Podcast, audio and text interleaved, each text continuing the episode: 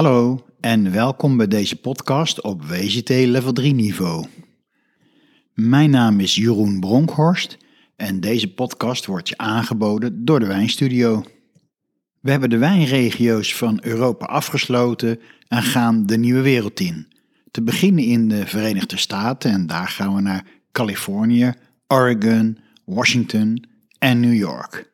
Daarna bezoeken we Canada. Ook voor deze podcast geldt: pak er een kaart bij of zorg ervoor dat je de kaart van de wijnbouwregio's in Amerika bestudeerd hebt.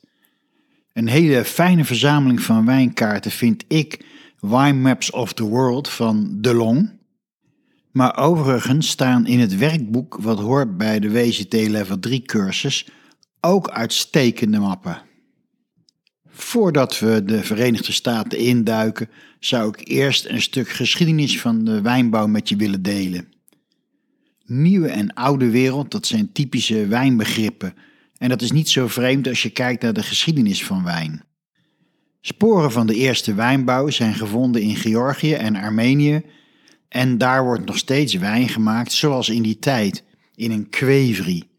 Dat zijn grote amfora's die ingegraven zijn.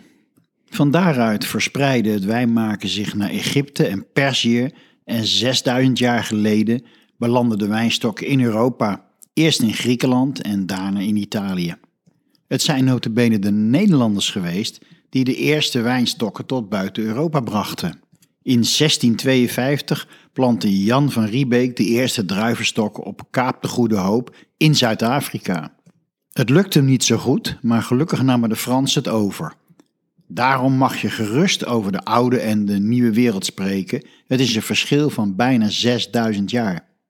Pas in 1779 werd de eerste wijngaard in Amerika aangelegd. Vanuit Mexico trokken Spaanse missionarissen Californië in tot aan San Francisco. Elke 100 kilometer stichtten ze een missiepost en deze route werd de Camino Real genoemd, de Koninklijke Weg. Voor de mis is wijn nodig en er werden opmerkelijk grote wijngaarden aangelegd voor die kleine missieposten. Het goddelijke en de commercie gingen goed samen. 1919 was het jaar van de Amerikaanse drooglegging, geïnspireerd door conservatieve christenen die het kwaad van de alcohol wilden uitbannen. Het middel was echter erger dan de kwaal, want smokkelaars als Al Capone werden er miljonair door. Wijn voor eigen gebruik was wel toegestaan en mensen gingen thuis de zogenaamde moonshine stoken, levensgevaarlijke, onzuivere sterke drank. In 1933 werd de prohibition, zoals dat heette, weer opgeheven. Maar het was pas in de jaren 60 dat de wijnbouw echt op gang kwam, met visionaire wijnmakers zoals Robert Mondavi en niet te vergeten de hulp van de Wijnuniversiteit van Davis. Er zijn drie films die ik iedere wijnprofessional aanraad. De eerste is Mondovino, een documentaire over globalisering en de haat en nijd in de Franse wijnindustrie. De tweede is Sideways, die speelt zich af in Napa Valley. De regisseur heeft duidelijk een grote minachting voor Merlot en liefde voor Pinot Noir. Dat heeft er in 2008 voor gezorgd dat Amerikanen massaal hun Merlot voor Pinot Noir inruilden. Maar de meest interessante film voor deze podcast is Bottle Shock, een nagespeeld, waar gebeurd verhaal.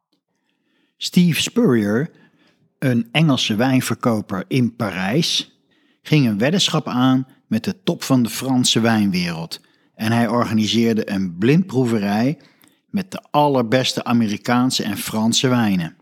De geheel Franse jury van gerenommeerde proevers verkozen de witte Amerikaanse Chateau Montelena en de rode Amerikaanse Stags Leap tot de beste wijnen.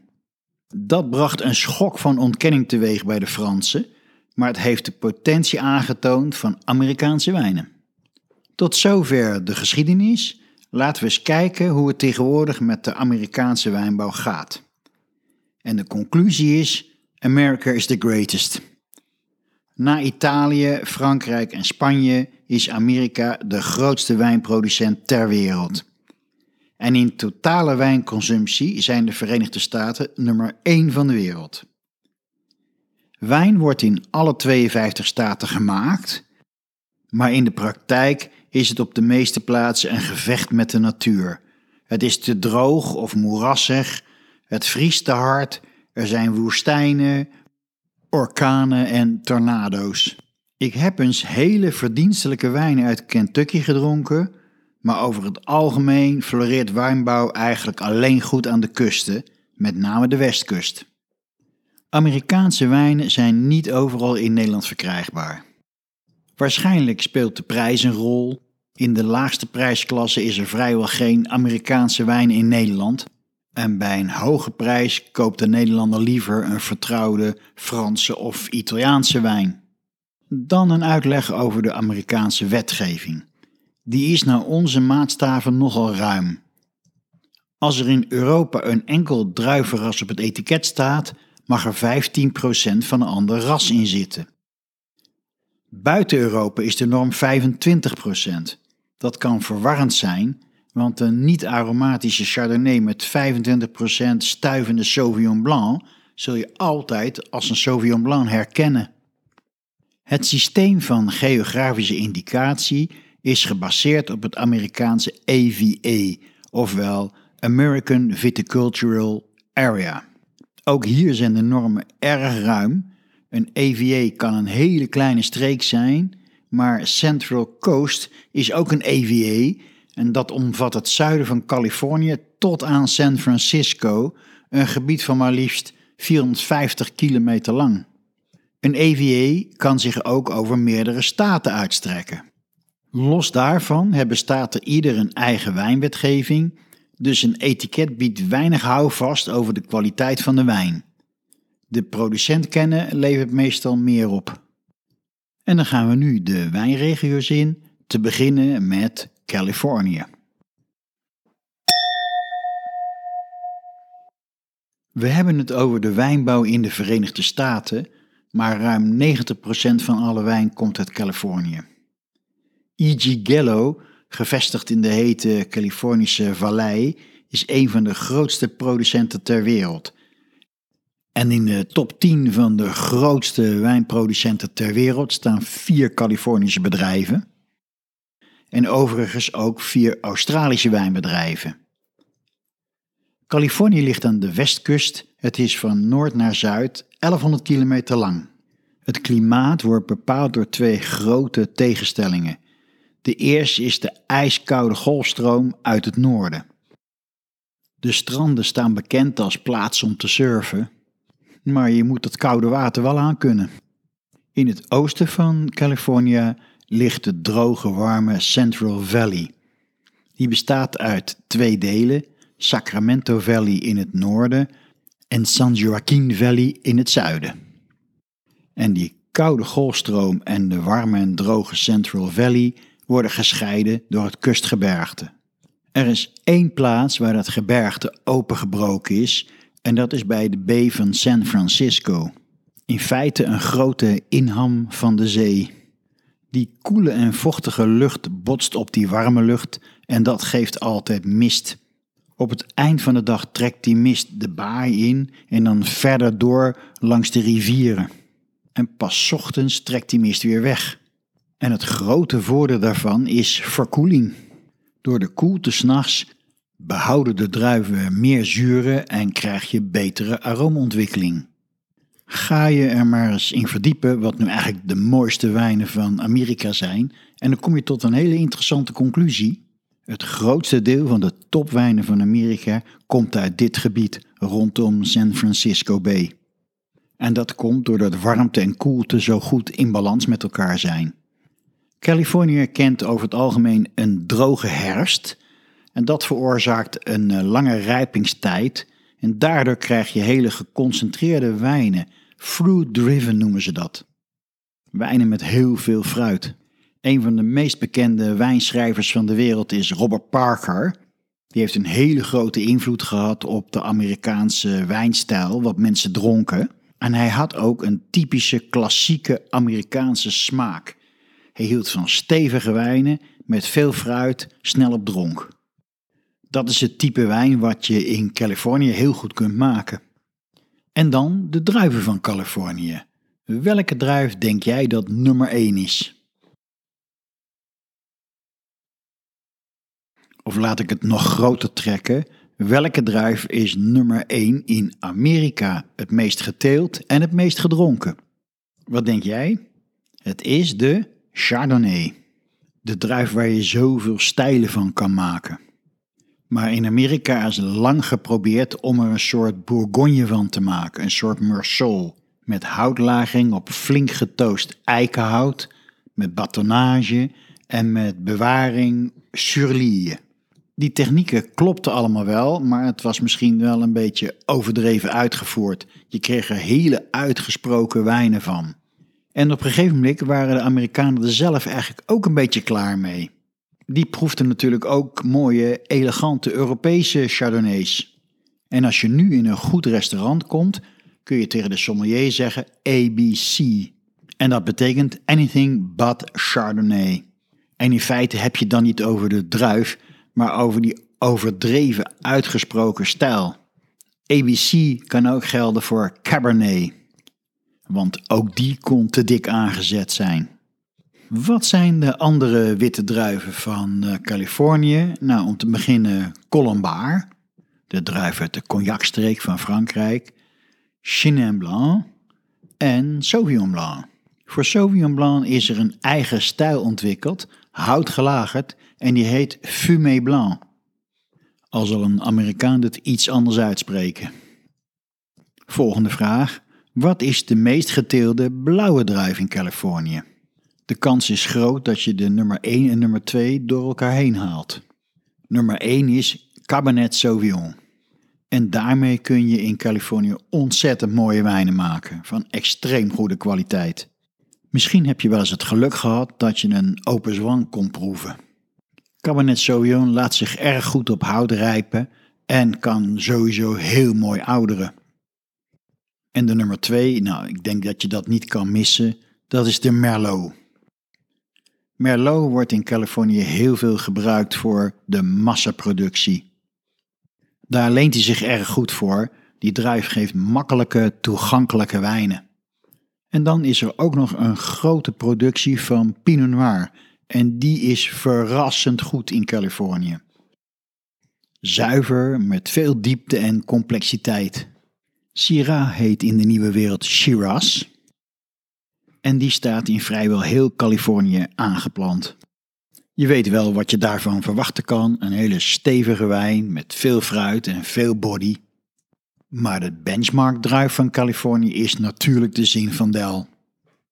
Die staat in Italië bekend als Primitivo, maar de stijl is toch heel anders.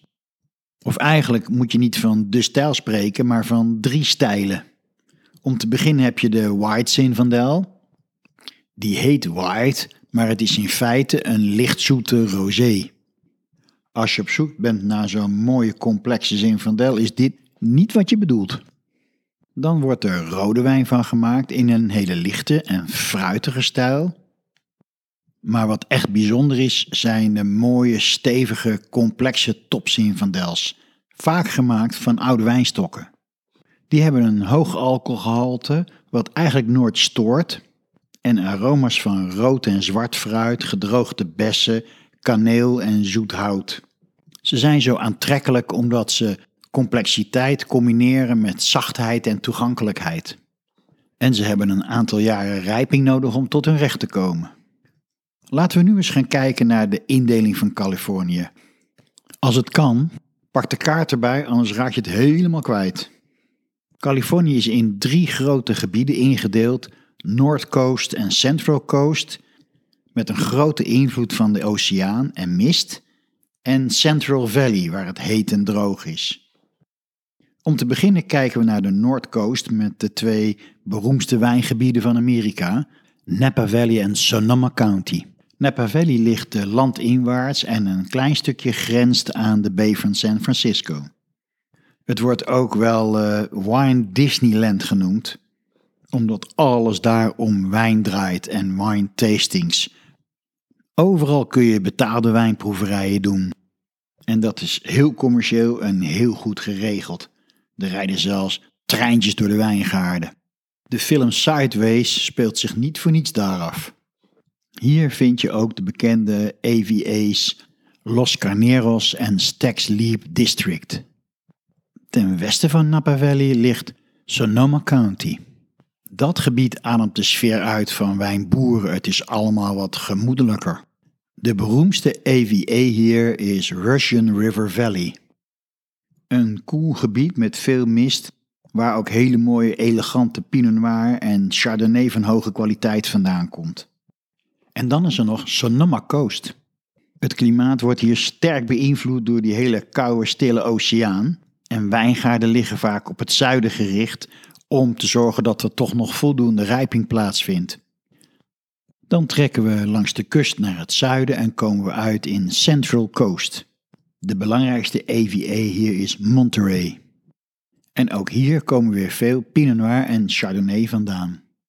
En dan blijft er nog één gebied over en dat is Central Valley. Door een gebergte gescheiden van de kust en daardoor erg warm en erg droog. Daarom moet er veel irrigatie toegepast worden. Central Valley bestaat uit Sacramento Valley in het noorden en San Joaquin Valley in het zuiden. Er is een enorme productie. Dit is echt het gebied van de massawijnen.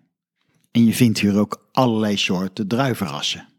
Tussen die twee valleien in ligt de AVA Lodi. Die profiteert zeer van de verkoeling van de San Francisco Bay. En heeft nog een bijzonderheid.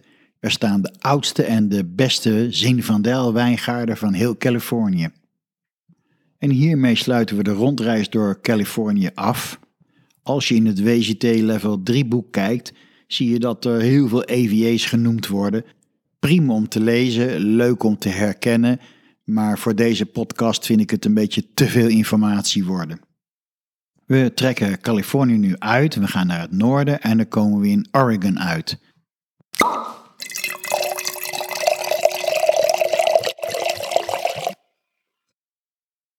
En mijn eerste vraag aan jou luidt: weet jij welke druif het zo goed doet in Oregon? Laat ik nog een stapje verder gaan. Boven Californië ligt Oregon en daarboven ligt Washington en daarboven ligt Canada. In Oregon en Washington zijn twee druiven dominant, dat zijn Merlot en Pinot Noir. Kun je ook vertellen welke van die twee in Oregon thuis hoort? En het antwoord daarop is: de dominante druif in Oregon is Pinot Noir. Er staat zelfs zoveel Pinot Noir in Oregon dat het na de Bourgogne de grootste wijnregio voor Pinot Noir is, nog voor Duitsland. Hoe komt het dat een druif die zich zo thuis voelt in koele klimaten zuidelijker staat dan een druif die zich thuis voelt in wat warmere klimaten? En dat heeft alles te maken met de ligging. Parallel aan de kust, een stuk landinwaarts, liggen de Cascade Mountains. In Oregon is de belangrijkste AVA Willamette Valley. En die ligt aan de westkant van de Cascade Mountains. Dus aan de kust, waar het gewoon koud is. En als we dan kijken naar Washington, daar lopen de Cascade Mountains door naar het noorden. Dan zie je dat alle wijnregio's aan de oostkant van de bergen liggen, gescheiden van de kust, dus is het daar gewoon warmer, hoewel het noordelijker is. De belangrijke AVA van Washington is Columbia Valley. En daarbinnen ligt ook een belangrijke AVA en dat is Yakima Valley. De Merlot-druif is dus, zoals gezegd, in Washington nummer 1. Nummer 2 is de Cabernet Sauvignon. En nummer 3, ja, eigenlijk wel voorspelbaar, is de Chardonnay. En hiermee hebben we de westkust van de Verenigde Staten behandeld. We gaan naar de oostkust en de meeste Amerikanen doen dat per vliegtuig. De enige wijnregio aan de oostkust van de Verenigde Staten is New York State. Heb je enig idee op welke breedtegraad de stad New York ligt? Dat zou je verbazen. Dat is op de 41ste breedtegraad gelijk met Madrid en Napels. Met die wetenschap, maar zonder me verder te informeren, reisde ik een keer in januari naar New York en tot mijn verbazing lag er zo'n anderhalve meter sneeuw. New York heeft de pech dat de wind niet van zee afkomt, maar vanaf de Noordpool. En nu kun je waarschijnlijk ook bedenken welk druivenras het daar goed doet. Wat denk je? Inderdaad, dat is de Riesling. En wijnen daarvan kunnen heel goed zijn hier. Daarnaast wordt er vooral gewerkt met hybride druiven die goed tegen het zeer koele klimaat kunnen en de winter overleven. De meeste wijnen komen van de EVE Finger Lakes. Dat zijn bergmeren die de warmte in de herfst nog lang vasthouden en daarmee het groenseizoen verlengen. Tot zover de wijnen van New York State. Hierna blijven we in de zeer koele wijngebieden. We gaan zelfs nog noordelijker naar Canada.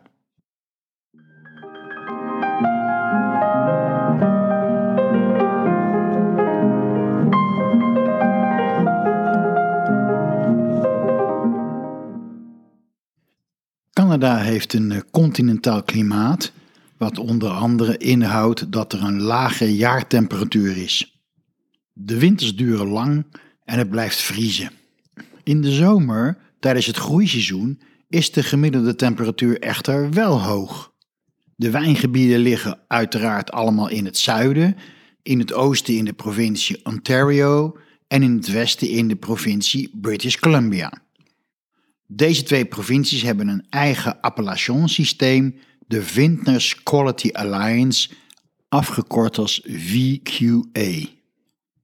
Die VQA is weer onderverdeeld in kleinere gebieden, de Designated Viticultural Areas, afgekort als DVA. Alle druiven uit de VQA moeten uit die provincie komen. En de druiven mogen alleen Vitis vinifera of toegestaan hybride zijn. Dus andere hybrides en Amerikaanse druiven mogen niet gebruikt worden om wijn van te maken. In het oosten, boven de wijnregio's van New York State, liggen de wijngebieden van Ontario, rondom het Ontario-meer. Zo'n grote massa water houdt aan het eind van de zomer de warmte lang vast, wat het groeiseizoen verlengt en in een koel klimaat is dat essentieel. Daar ligt de EVA Niagara Peninsula. Daarnaast ligt de stad Toronto op de 43ste breedtegraad. In Europa hebben we dan over Toscane, maar de dominante Noordpoolwind verstoort dat mooie plaatje. In deze regio worden fantastische ijswijnen geproduceerd, misschien wel de beste ter wereld, van druiven als Riesling, Cabernet Franc en Chardonnay, maar ook van een hybride druif, de Vidal. Een druif die tamelijk gewone wijn oplevert, maar als ijswijn een mooie volle body, kracht, frisse zuren en aroma's van mango en honing geeft. In het westen van Canada ligt de Vintners Quality Alliance British Columbia met vijf DVA's. Weet je het nog? Dat zijn Designated Viticultural Areas. De belangrijkste DVA is Okanagan Valley, die veel noordelijker ligt dan het Ontario-meer. Het grote voordeel van die noordelijke ligging is dat in de zomer de dagen heel lang duren. Dat bevordert de fotosynthese en de rijping van de druiven. Okanagan Valley ligt tussen de bergen. Het is zeer droog, wat schimmels en rot voorkomt. De productie van ijswijn is een bijzonder verhaal. Het hoort niet direct bij de opleiding WGT Level 3, maar ik vind het leuk om je dat te vertellen. Het grote verschil tussen de zoete ijswijn en de zoete botrytiswijnen is dat ijswijn van onaangetaste druiven gemaakt wordt. Daardoor proef je de zuivere smaak van de druif en het druivenras. Oorspronkelijk komt ijswijn uit Duitsland en Oostenrijk het was vooral een cadeau voor de wijnbouwfamilie, een exclusieve lekkernij. Voor ijswijn blijven de druiven hangen tot in de winter. En er is iets wat je moet weten over het bevriezen van planten. Planten sterven niet door de vorst op zich, maar het kan wel indirect gebeuren. Elke plantencel bevat veel water en zoals we weten gaat water uitzetten als het bevriest. Daardoor raken de cellen beschadigd. De wijnstok voelt de vorst aankomen en ter bescherming wordt het vocht naar buiten geperst. Dat proces gebeurt ook in de druiven. Dus de druif raakt meer geconcentreerd. Omdat je bij een ijswijn elk klein foutje proeft, moeten de druiven helemaal schoon zijn, vrij van botrytis. Ze worden dan geplukt bij min 8 graden. Ik heb eens gesproken met Donald Giraldo, de beroemde wijnmaker van Enniskillen bij de Niagara watervallen. En hij vertelde wel wat grappigs. Hij wilde extra mooie, extra geconcentreerde ijswijn maken. En hij ging pas persen bij min 11 graden. Nou, dat heeft hij geweten, doet hij nooit meer, want hij heeft twee persen gebroken. IJswijn is echt een niche product en bij de pluk zijn veel vrijwilligers aanwezig. En uiteraard hebben die handschoenen aan. Maar als je de trossen aanraakt, hebben de druiven de neiging om op de grond te vallen. Om daar zo subtiel mogelijk mee om te gaan, hebben de handschoenen open topjes. Helaas, als gevolg daarvan, moeten een heel aantal plukkers met bevriezingsverschijnselen aan hun vingers naar het ziekenhuis. Dan komen de druiven bij de perserij aan, maar er zit heel veel ijs op. Je zou verwachten als je dat gaat persen, dat je dus heel veel water in je wijn krijgt. Wat ze daartegen doen is persen met open deuren, oftewel in die perserij is het ook min 8 graden. En wat gebeurt er dan? IJs kan niet smelten bij min 8. Maar die druiven zijn zo geconcentreerd met zuur en zoet dat er kleine stroompjes tussen het ijs door naar beneden lopen en dat moet je opvangen. Vanwege dat hoge zuur en zoet komt de vergisting ontzettend moeilijk op gang en die kan dan ook maanden duren. Uiteindelijk krijg je een wijn van tussen de 6 en de 12,5 procent alcohol. Een goede ijswijn heeft een fantastische balans, zoet met een hele volle body, met hoge zuren en heel veel rijpe tropisch fruitaroma's. Het is zo geconcentreerd dat je het altijd met kleine slokjes tegelijk drinkt. Het wordt vrijwel altijd gebotteld in kleine flessen van 200 of 375 milliliter. Die laatste fles kost al gauw tussen de 30 en de 70 euro en soms nog veel meer. Bovendien is het lang niet altijd verkrijgbaar. IJswijn leent zich niet zo goed voor langdurige rijping, het verliest primair fruit en tertiair fruit past eigenlijk niet bij ijswijn. Helaas is ijswijn een niet beschermde term. En de industrie springt daar natuurlijk weer slim op in. Een keer met de kerst kon je bij Aldi een ijswijn kopen van 5 euro. Dat is natuurlijk gewoon godsonmogelijk. Hoe hebben ze dat gedaan? Nou, daar hebben ze een nieuwe techniek voor ontwikkeld en die heet met een mooie woord cryo-extractie. Wat houdt dat in? Je plukt die druiven en je legt ze een tijdje in de vriezer en dan is het ook een ijswijn. En met dit verhaal ronden we de podcast over de wijnregio's van de Verenigde Staten en Canada af. Zoals gezegd, de meeste Amerikaanse wijnen zitten in een hoger segment. En in het premium segment kan je fabuleuze wijnen krijgen. In de volgende podcast gaan we van Noord naar Zuid-Amerika, naar Chili en Argentinië. En daarna naar Zuid-Afrika. Vergeet niet om tussen elke podcast door, of misschien zelfs wel tijdens een podcast, een lekkere wijn open te trekken. Als je een wijn pakt die bij het onderwerp past, gaat het nog meer voor je leven en kan je het waarschijnlijk ook makkelijker onthouden. Mijn naam is Jeroen Bronkhorst en deze podcast wordt je aangeboden door de Wijnstudio. Graag tot de volgende.